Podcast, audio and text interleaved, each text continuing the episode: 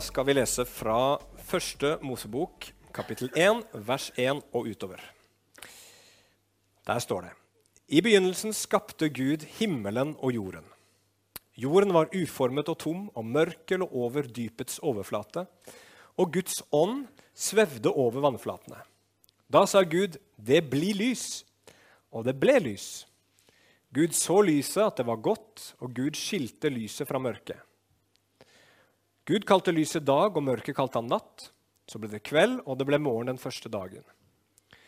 Så sa Gud, jorden skal bære fram levende skapninger etter sin art, fe og kryp, og jordens villdyr hver etter sin art. Nå er vi i vers 24. Og det ble slik. Gud gjorde jordens villdyr etter sin art, fe etter sin art, og hvert kryp etter sin art, og Gud så at det var godt.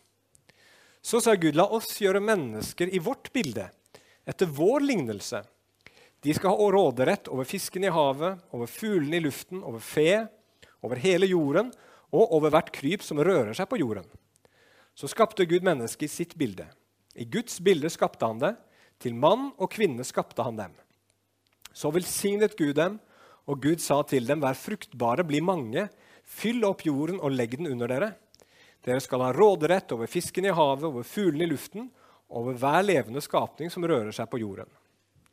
Gud sa, se, jeg har gitt dere hver plante som setter frø, og som finnes på jordens overflate, og hvert tre som gir frukt med frø i, de skal være til mat for dere. Og til hvert dyr på jorden, til hver fugl i luften, og til hvert kryp som har liv på jorden, har jeg gitt hver grønn plante til mat. Og det ble slik. Da så Gud det han hadde gjort, og se, det var overmåte godt. Så ble det kveld, og det ble morgen den sjette dagen. Slik ble himmelen og jorden og hele dens hær fullført. Ja, himmelske Far, bare ber om at din ånd må komme og hjelpe meg til å dele det som du har lagt på mitt hjerte for i dag. La det bli dine ord, la det bli til mat og oppbyggelse og hjelp for oss. Og la din ånd også virke på hjertene våre, så vi kan ta imot og se. Se mer av, av din historie, se hvor god den er. Se at den er riktig og sann. Se at den er aktuell også i dag, Gud. Og så ber vi Jesus om at du skal gjøre oss i stand til å dele den historien med andre. I ditt navn vi ber. Amen. Det vi nettopp leste nå, er kanskje noen av de mest kjente versene i Bibelen. Og det som alltid er problemet med sånne kjente vers, det er at når vi hører de, så hører vi ikke så godt etter og tenker kanskje ikke så godt etter. Det går litt på repeat. Og det er litt sånn repeterende tekst òg. Det er mange ting som går igjen.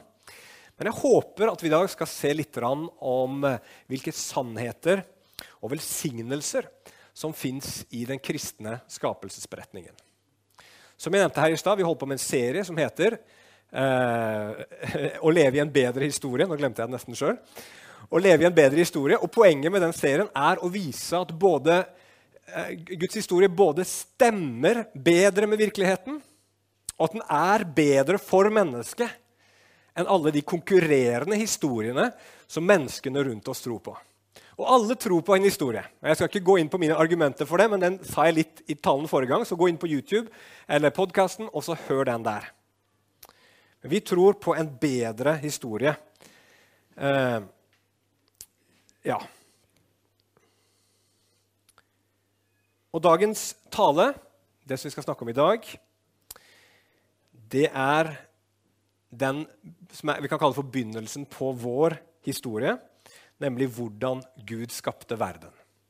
Og Jeg har tre punkter i dag eh, rundt eh, skapelsesberetning. Og Det første er at det er Guds verden. Så dette her har med Guds verden å gjøre. Det er for det andre en ordnet verden. Og for det tredje så er det en kjærlighetens verden. Så en Guds verden, en ordnet verden og en kjærlighetens verden. Overskriften min i dag er 'Skapt av Gud' eller 'en tilfeldighet'. Skal vi se, For det første så er det Guds verden.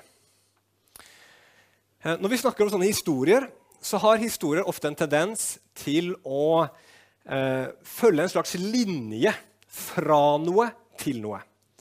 Har du hørt at noen mennesker sier i dag ja, det der er middelaldersk? Eller enda bedre det der er gufs fra fortiden. Eller den kjente klisjeen som jeg har nevnt flere ganger. Vi lever da tross alt i. Og så kommer liksom eh, det aktuelle årstallet inn. Det vi lever i akkurat nå. Men du vet at når mennesker sier sånne ting, så ligger det en antagelse bak der om at vi lever i en historie. En historie hvor før så var vi uvitende og ufrie. Men så har vi frigjort oss fra det. Og i dag så både vet vi bedre og blir stadig vekk friere og friere. Ser du at Når mennesker sier det, så avslører de at de tror på en historie. Det er en historie som mange mennesker i dag tror på, men det er, det er ikke en stor historie. Det er ikke en historie som liksom forklarer nødvendigvis hvor vi kommer fra, hva som er opprinnelsen på alt sammen, eller hvor vi er på vei. Men vi kan kalle det for en liten historie. De store historiene har med de store spørsmålene å gjøre. Mens de små historiene vi, vi snakker om, de har, forklarer ofte en liten del av livene våre. Hvordan, hvordan, det er akkurat nå, hvordan vi kan bli lykkelige akkurat nå. Sist gang så nevnte jeg materialismen. Det er også en sånn liten historie som vi tror på. For Materialismen sier ingenting om hvor vi kommer fra, hvor vi er på vei, men den sier bare noe om akkurat nå. Hvis du bare får deg nye, fine ting, så kommer du til å bli litt lykkeligere. Det er en sånn liten historie. Men det som er fantastisk med Bibelens historie, det er at det både er en stor historie Det er en historie som sier noe om både opphav og framtid og svarer på alle egentlig de store spørsmålene som vi mennesker stiller oss. Og samtidig så er Bibelens historie så eh, elastisk eller Jeg vet ikke eh, Den har sånn et potensial at den også kan være en liten historie inn i ditt liv akkurat her og nå. Og jeg var litt inne på det sist gang. Da sa jeg at hva er ditt dypeste behov? Hva er det du trenger mest? Jo, Bibelen forteller det både i den store og den lille historien. Den store historien forteller oss at vi ble skapt for fellesskap med Gud. Og i ditt liv akkurat nå, hvis du det, hvis du kjenner på tomhet, så er svaret at du trenger Gud. Du trenger fellesskap med Han her og nå. Det var det du ble skapt for. Men i dag skal vi snakke litt om den store historien, og skal vi komme tilbake til den lille, altså en liten del av den historien som er aktuell for våre liv. Og Bibelens historie den svarer veldig tydelig på hvor er det vi mennesker kommer fra. Og det står, som vi leste i det første verset i Bibelen, i begynnelsen skapte Gud himmelen og jorden. Mennesket er skapt av Gud. Og Vi kan si at den kristne historien er en historie i to etasjer. To etasjer, Hva mener jeg med det? Jo, at vi tror på en fysisk verden. Det er første etasjen. Her hvor vi alle lever det vi ser. Men så tror vi altså at det fins en etasje over. En usynlig etasje, en åndelig etasje.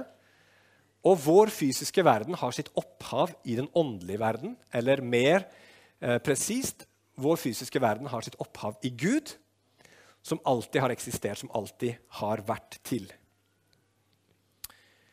Og vi tror at Gud, han var den som skapte, men vi er uenige, vi kristne, om hvordan han gjorde det. Det fins forskjellige teorier om hvordan Gud skapte. Noen mener det var på seks 24-timersdager, noen tenker at det tok mer tid. Men det viktigste som alle kristne er enige om, det er at Gud er den som skapte verden. Og så er spørsmålet til den store kristne historien om at Gud skapte verden, fins det noen store konkurrerende historier i Norge i dag. Og det gjør det. Det fins nemlig en historie som veldig mange mennesker i Norge i dag tror på, som ikke er en historie om to etasjer, men som er en historie om bare én etasje. Alt som fins, er bare den fysiske verden, som har blitt til ved en tilfeldighet. Og Jeg har lest en bok som jeg synes er veldig interessant, av en som heter eh, Joshua Shawtraw. Og Han sier at det fins to versjoner av denne her, eh, ateistiske tilblivelseshistorien. Og Han kaller den for den pessimistiske og den optimistiske historien. Hva mener han med det? Den pessimistiske og den optimistiske historien har begge til felles at de tror at verden ble til ved en tilfeldighet gjennom the big bang og så evolusjon osv. Alle disse tingene her gjør at du og jeg er her i dag. Men de trekker litt forskjellige konklusjoner. og det er der forskjellen ligger. Så I den pessimistiske versjonen så kan vi dra fram en som heter eh, Richard Dawkins. Noen har kanskje hørt om Han Han er en veldig kjent ateist. Han sier følgende om vår verden.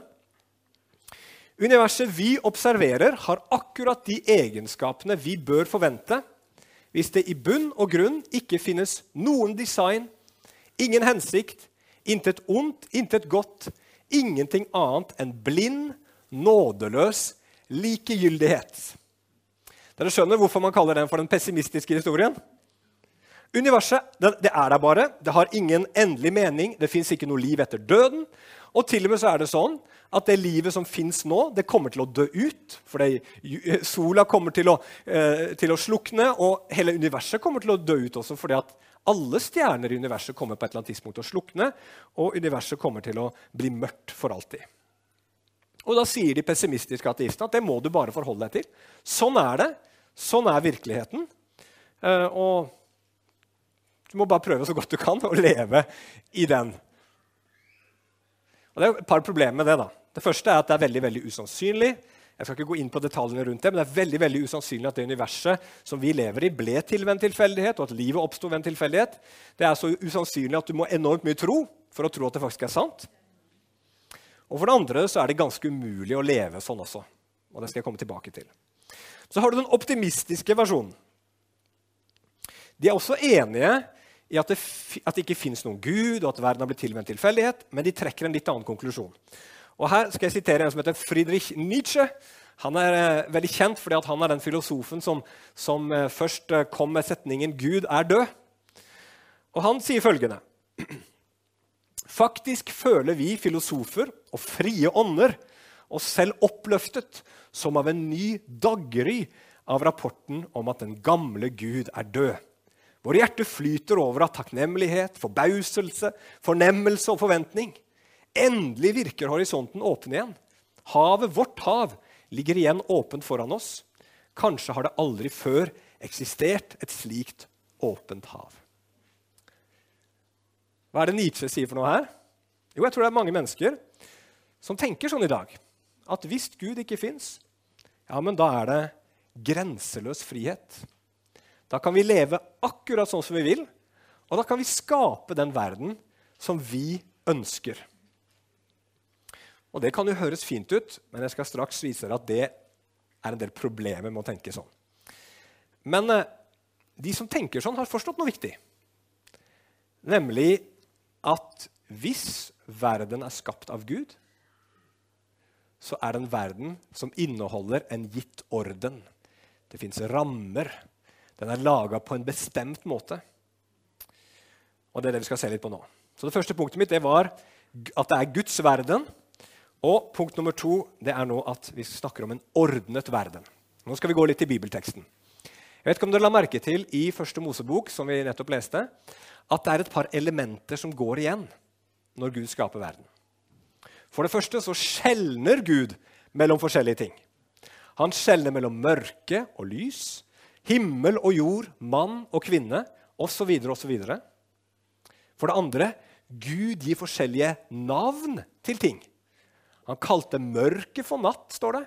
Lyset kalte han for dag. Det tørre land for jord. Og vannene kalte han for hav. Så Gud gir navn på ting. Og ikke nok med det, han kategoriserer ting. Det står at han skaper dyr etter forskjellig slag eller forskjellig art. Så det er kategorier, en orden.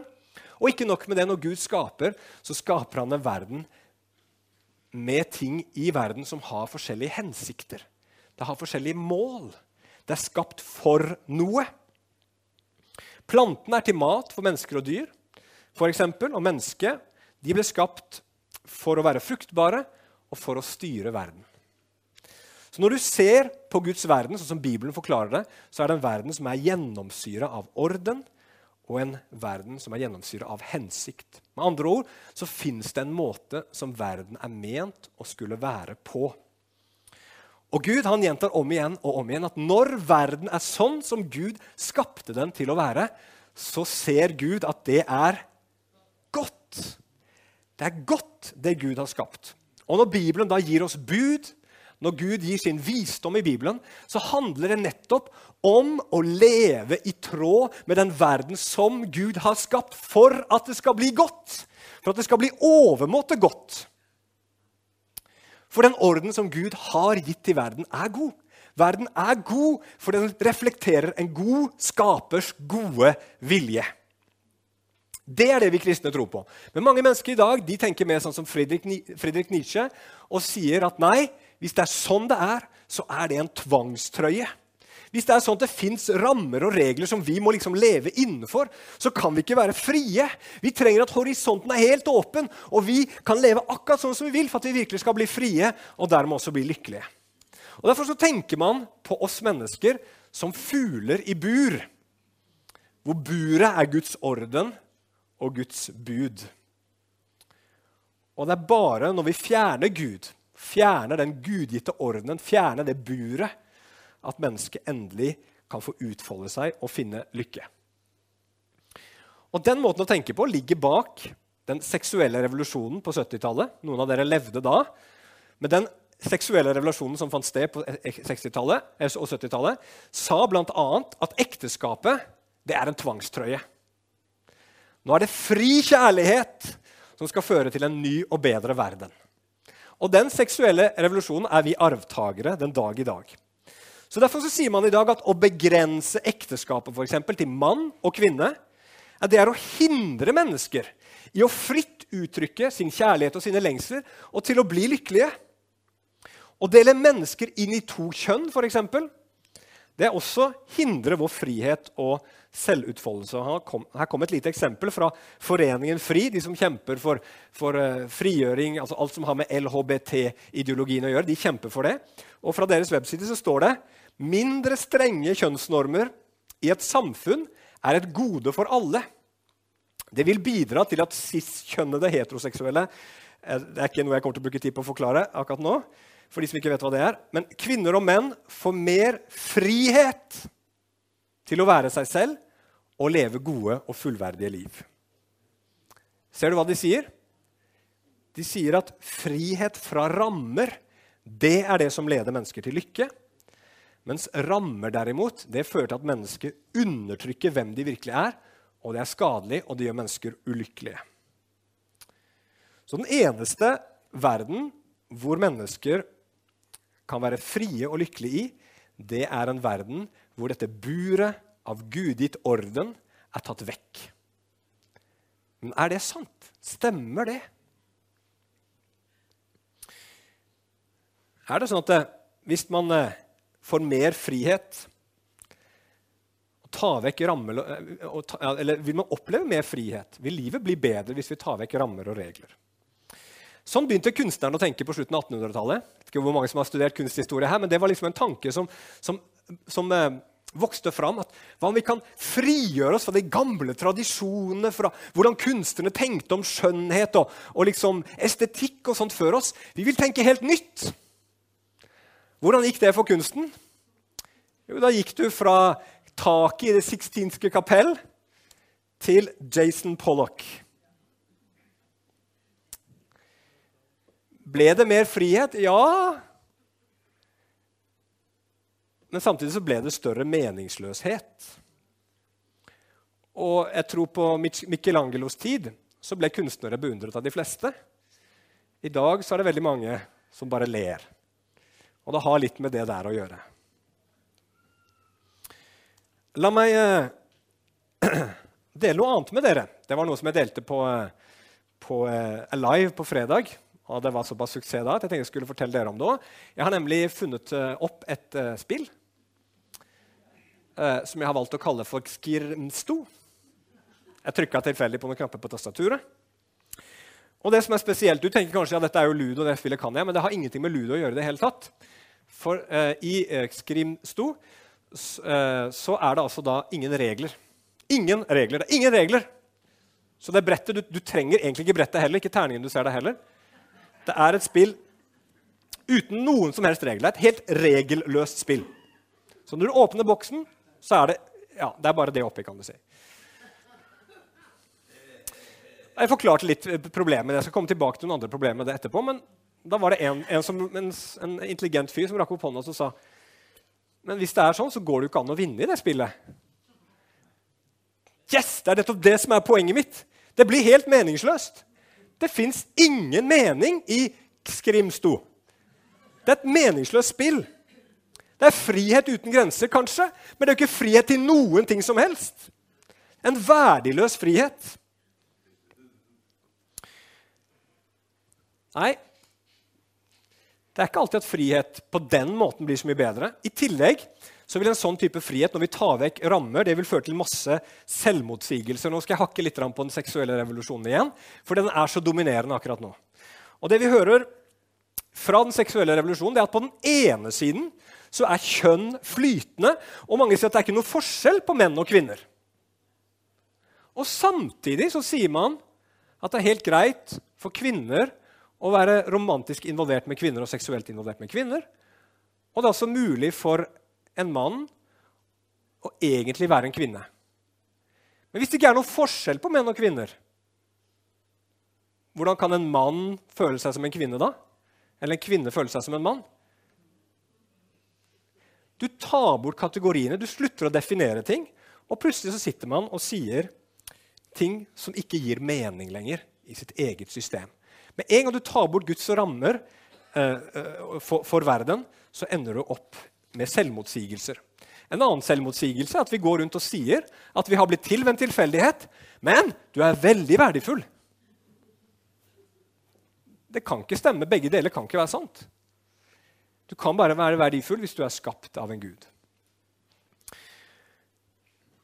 Tilbake til eh, Skrimsto. Jeg burde kanskje Jeg tar det to ganger, så ikke dere glemmer dette fine spillet. Skrimsto, eh, ja, Ekskrimsto eh, det, det er flere måter å uttale det på. Det er ikke noe regel for det heller. egentlig. Du kan godt bare si fiskesuppe, så har du også uttalt det riktig. Et spørsmål til, da. Er det mulig å jukse i Skrimsto? Nei, det er helt umulig å jukse, for det er jo ingen regler, ingen regler å bryte. Og hvis, det er, hvis vi er en del av en verden som ikke har noe gudgitt orden i seg, er det mulig da å si at noe er rett og galt? Kan du si i en verden hvor ingenting er ment å skulle være på noen spesiell måte, at sånn skal det ikke være? Nei, for hvem kan vel si hvordan verden skal være? Hvorfor er din mening så mye mer verdt enn min mening om hvordan verden burde være? Det er ikke mulig å jukse i skrimsto, og det er ikke mulig å si at noe er rett og galt i en verden hvor det ikke fins noe Gud. Og Derfor så har du mennesker i dag som begynner å si at nei, men nå må vi gi like rettigheter til mennesker og dyr. For, eksempel. for mennesker er jo ikke skapt i Guds bilde. Mennesker er ikke noe annerledes enn dyr. Vi er også et biologisk vesen som dem. Men hvis de menneskene der hadde vært virkelig logiske og konsekvente, så måtte de jo sagt at steiner må ha samme rettighet som dyr og mennesker. Fordi at vi er bare atomer, steiner er bare atomer. Det er ingen mer hensikt med en stein enn med et menneske eller et dyr. Er dere med? Så husk på skrimsto hvis noen som sier at det ikke fins en gud, sier at noe er feil. Det går ikke an å jukse i skrimsto. Det siste jeg skal si for å litt kritisere litt den måten å se verden på, det er at eh, når alt kommer til alt, så er det veldig vanskelig å rømme fra Guds gudgitte orden. Det er som en badeand. Du prøver å drukne den, men den kommer opp igjen liksom, hver bidige gang. Du kan ikke drukne en, en badeand. Og du kan heller ikke eh, unngå på et eller annet tidspunkt i livet ditt å treffe Guds orden, for den er der bare. Og Det er så mange ting å peke på, men jeg har bare lyst til å nevne hun dama her. Hun heter eh, Tanja Michelet. Det er dattera til Jon Michelet, som mange vet hvem er. Og hun vokste opp i en familie hvor fri kjærlighet var normen. Og Det gjorde jo at livet hennes ble veldig ustabilt. Hun var barn av Jon Michelet og den første kona hans, tror jeg. Og Hun sier følgende.: Jeg forstår ikke hvordan det skulle ha gått bra å skape gode familier ut fra prinsippet om fri kjærlighet. For meg er fri kjærlighet det motsatte av gode familieverdier. Jeg ble ødelagt av å aldri få ro, aldri kunne få stole på at nå er dette min familie, her hører jeg til, her er det ro, her bor vi. Dette forplantet seg til neste generasjon, dessverre, sier hun. Fri kjærlighet. Nå skal vi få en mye bedre verden, sier man. Men hva skjer? Du får egoistiske foreldre og barn som blir skadelidende. Noe annet som også er veldig interessant, det er det at uh, den seksuelle revolusjonen med fri kjærlighet uh, presenterte sex som en eller annen fritidsaktivitet på linje med, med fotball og, uh, sjakk, jeg vet ikke hva. Men Bibelen sier at nei, sex er noe helt annet. Det er noe ekstremt dypt. Det handler om en dyp forbindelse to mennesker imellom som, som, som er skapt av Gud for å skape en, en, en, en, binding som gjelder hele livet. Og hvis det er sant, at sex går dypt, så ville man jo forvente at mange mennesker i et samfunn som vårt, hvor man snakker om fri sex, ville føle seg brukt og krenka. Og metoo-opprøret for noen år tilbake var nettopp et, et, opprør mot en del av den praksisen som var knytta til den seksuelle revolusjonen, fra kvinner som kjente seg brukt og krenka av menn. Og Noe av det har ført til at man har begynt å utvikle noe som de kaller for sånne samtykkeapper på mobiltelefoner. Hvor Før man skal ha sex med en person, så logger man seg inn på den appen, og så er det en slags juridisk avtale som man da signerer digitalt, begge parter, før man har sex sammen, sånn at man skal være helt sikker på at begge to var enige om at dette vil vi gjøre. Jeg vet ikke om du ser at der har du badeanda som hopper opp. Dette er Guds orden. For Gud sa nei, men vet du hva, seksualitet det skal høre innenfor et rammeverk som begge to har bundet seg til. Vi kaller det ekteskap. Det er noe mye bedre enn en sånn samtykkeapp som bare liksom gjelder én seksuell relasjon. Det gjelder hele livet. Og det fantastiske med, eh, med, ekteskapet er jo det at ikke bare så handler det om den seksuelle relasjon, selv om det handler om trofasthet innenfor det, det er en side ved det, men det handler om at man skal binde seg til hverandre med hele mennesket. Altså, Jeg bruker ikke deg for det seksuelle, bare. Jeg gir hele livet mitt til deg. Jeg er din, og du er min. Og så blir den seksuelle relasjonen en del av at to mennesker gir seg selv til hverandre eksklusivt. Og hadde vi fulgt det rammeverket der, så hadde vi ikke hatt veldig mange av de problemene. Og ikke hatt noe behov for sånne apper heller. Så problemet er ikke at vi mennesker er fugler i bur, men at vi er en fisk som ligger på stranda. Hvis vi tenker at vi er fugler i bur, så tenker vi at buret er Guds orden. Hvis vi tenker at vi er en fisk som ligger på stranda, så tenker vi at havet det er Guds orden og bud. Det var der vi ble skapt til å leve. Det er det som er vårt rette element. Og akkurat når vi lever utenfor det, så klarer vi ikke å leve. Men når vi havner i det rette elementet, når fisken havner i havet, da er den endelig fri til å leve. Da kan den være det den ble skapt til å være. Og på samme måte kan du og jeg som mennesker være det vi ble skapt til å være. Når vi er i en verden som har en orden gitt fra Gud, og lever etter hans bud. Og det er bare i en sånn verden at det kan finnes mening. Det er bare i en sånn verden at du kan si det er rett og det er galt. Det er bare i en sånn, en, en sånn verden at vi kan snakke om menneskerettigheter, f.eks. Det er Guds verden. Ok, La meg ta det siste punktet. Dette her er en kjærlighetens verden. Nettopp fordi at en verden uten Gud veldig lett blir en meningsløs verden, så er det veldig mange mennesker i dag som sier at de tror på en eller annen Gud. Og den Gud er veldig ofte en Gud som vil at du skal være deg selv. En Gud som vil at du skal være god mot det som er negativt og dårlig. Og en Gud som eh, støtter deg sånn generelt i dine, i dine, valg og er med deg i dine vanskeligheter. Og Ofte så tenker man på det som en slags kjærlighetens gud. Jeg har sagt det før at eh, en sånn gud kan virkelig være en personlig gud. For det er jo, det er jo bare egentlig deg sjøl. Den kan jo aldri motsi deg noe. denne guden her. Og denne guden er heller ikke noen kjærlighetens gud, for den har ikke ofra noe for deg. Men det som er fantastisk når du ser på, på Guds skapelseshistorie, det er at den forteller og gir oss et glimt kan man heller kanskje si, av en personlig Gud som er kjærlighet, på en helt spesiell måte. Og det bekrefter noe som alle vi mennesker vet innerst inne, nemlig at liv i denne verden, det som er det viktigste i våre liv, det er relasjoner til mennesker som vi er glad i. Og hvordan da? Jo, Bibelen forteller ikke bare at vi mennesker er kommet fra Gud, men Bibelen forteller at vi mennesker er kommet ut av en relasjon. Ser du i skapelsesberetningen at når Gud skaper, så er det flere som er involvert. Du har Ånden, som svever over vannene. Du har Ordet, som Gud taler, og som Bibelen forklarer senere, er mer enn bare at Gud snakker. Det er Jesus som er der sammen med Gud og er deltakende i skapelsen. Og så vet jeg ikke om dere la merke til i vers 26 at Gud Når han skaper mennesket, så sier han 'la oss skape mennesket i vårt bilde, i vår lignelse'. Det er jo litt spesielt. Og noen sier ja, men det er bare sånn majestetisk vi, sånn som kong Harald sier på, på, på TV. Vi, Norges konge, sier han.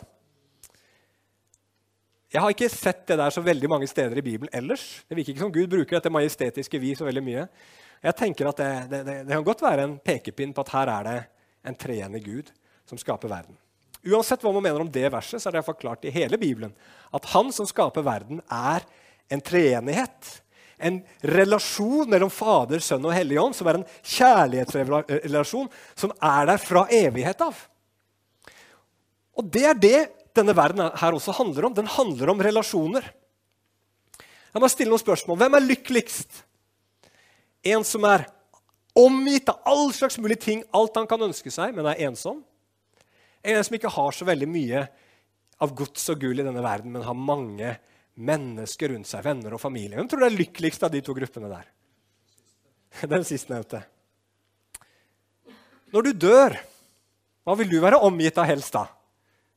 Smykkene, pengene, ta det ut av banken og så legge de rundt senga. Som ha motorsykkelen din inn i, ved dødsleiet ditt, eller bilen, eller klærne dine? Eller vil du heller være omgitt av menneskene du er glad i? De aller fleste vil ha mennesker som de er glad i rundt seg. Koronakrisen, hvorfor var den så fæl?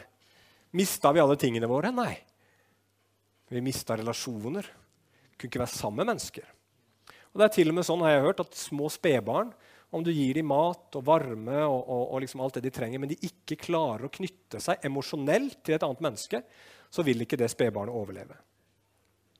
Vi lever i en verden hvor vi mennesker er så dypt relasjonelle at det er veldig forunderlig om det skulle være en verden som bare kommer ut av ingenting og er ut av meningsløshet.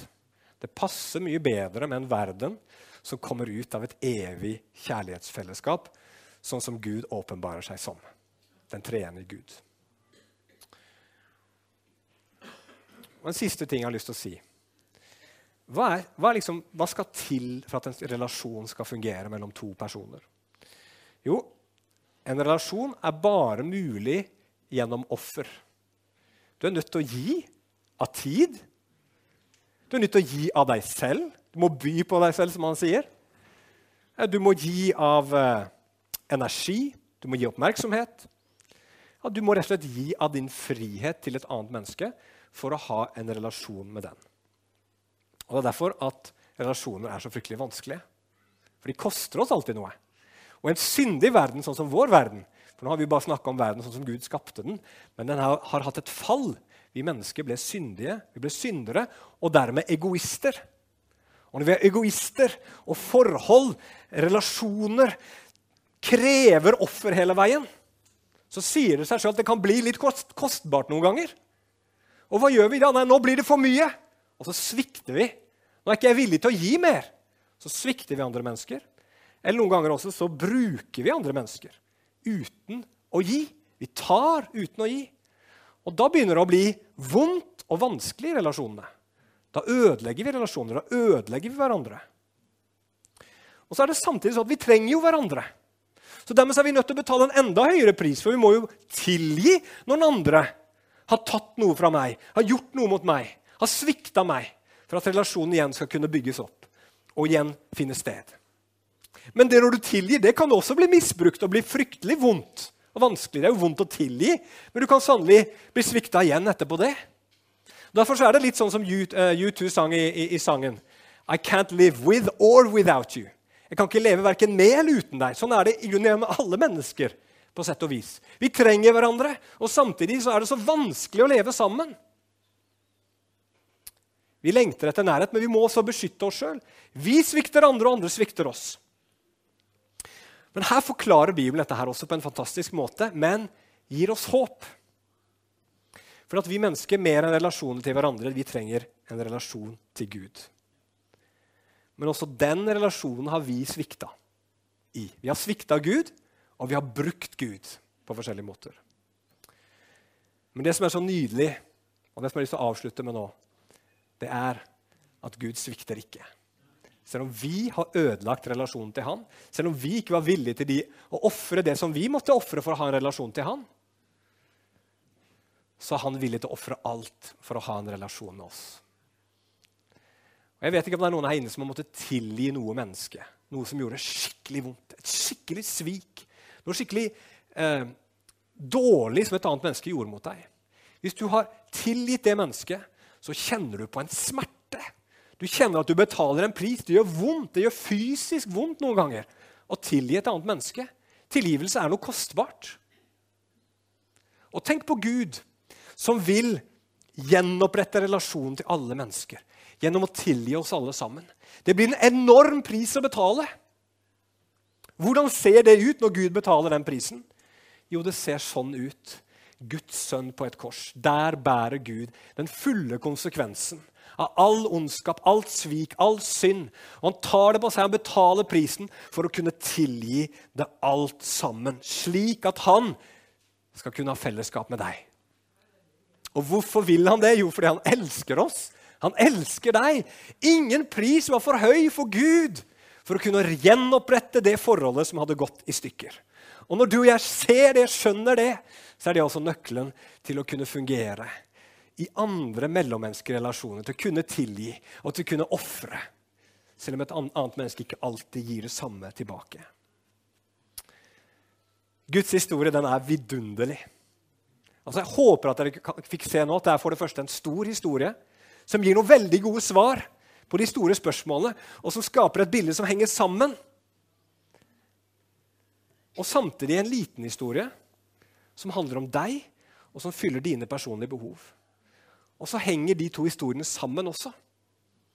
Men sånn som vi så i stad, de historiene, de små historiene vi mennesker i verden i dag som ikke er kristne, forteller, at du er verdifull, henger ikke sammen med den store historien. At vi kommer fra ingenting og bare er en tilfeldighet. Men Guds historie fungerer på alle plan. Det er en vidunderlig historie der. Den er bra, den er god. Og Jo mer du graver ned, jo mer du graver ned i tankene til folk rundt oss, så ser vi at Guds historie blir bare bedre og bedre. Den stemmer bedre med virkeligheten, og den fyller mer av våre behov. Mens verdens historie viser seg gjennom å, å, å inneholde selvmotsigelser og ha masse problemer, og ikke fungere heller i det daglige. Den historien her, den må vi bare være så frimodige med vi må grave dem dypt ned i våre hjerter, og så må vi ikke være redde for å fortelle den til andre. Fortelle evangeliet. For vi har ingenting å skamme oss over. Vi har noe som jeg sa sist gang, som har fungert i 2000 år, og som fungerer like godt en dag i dag. Amen. Skal vi avslutte der?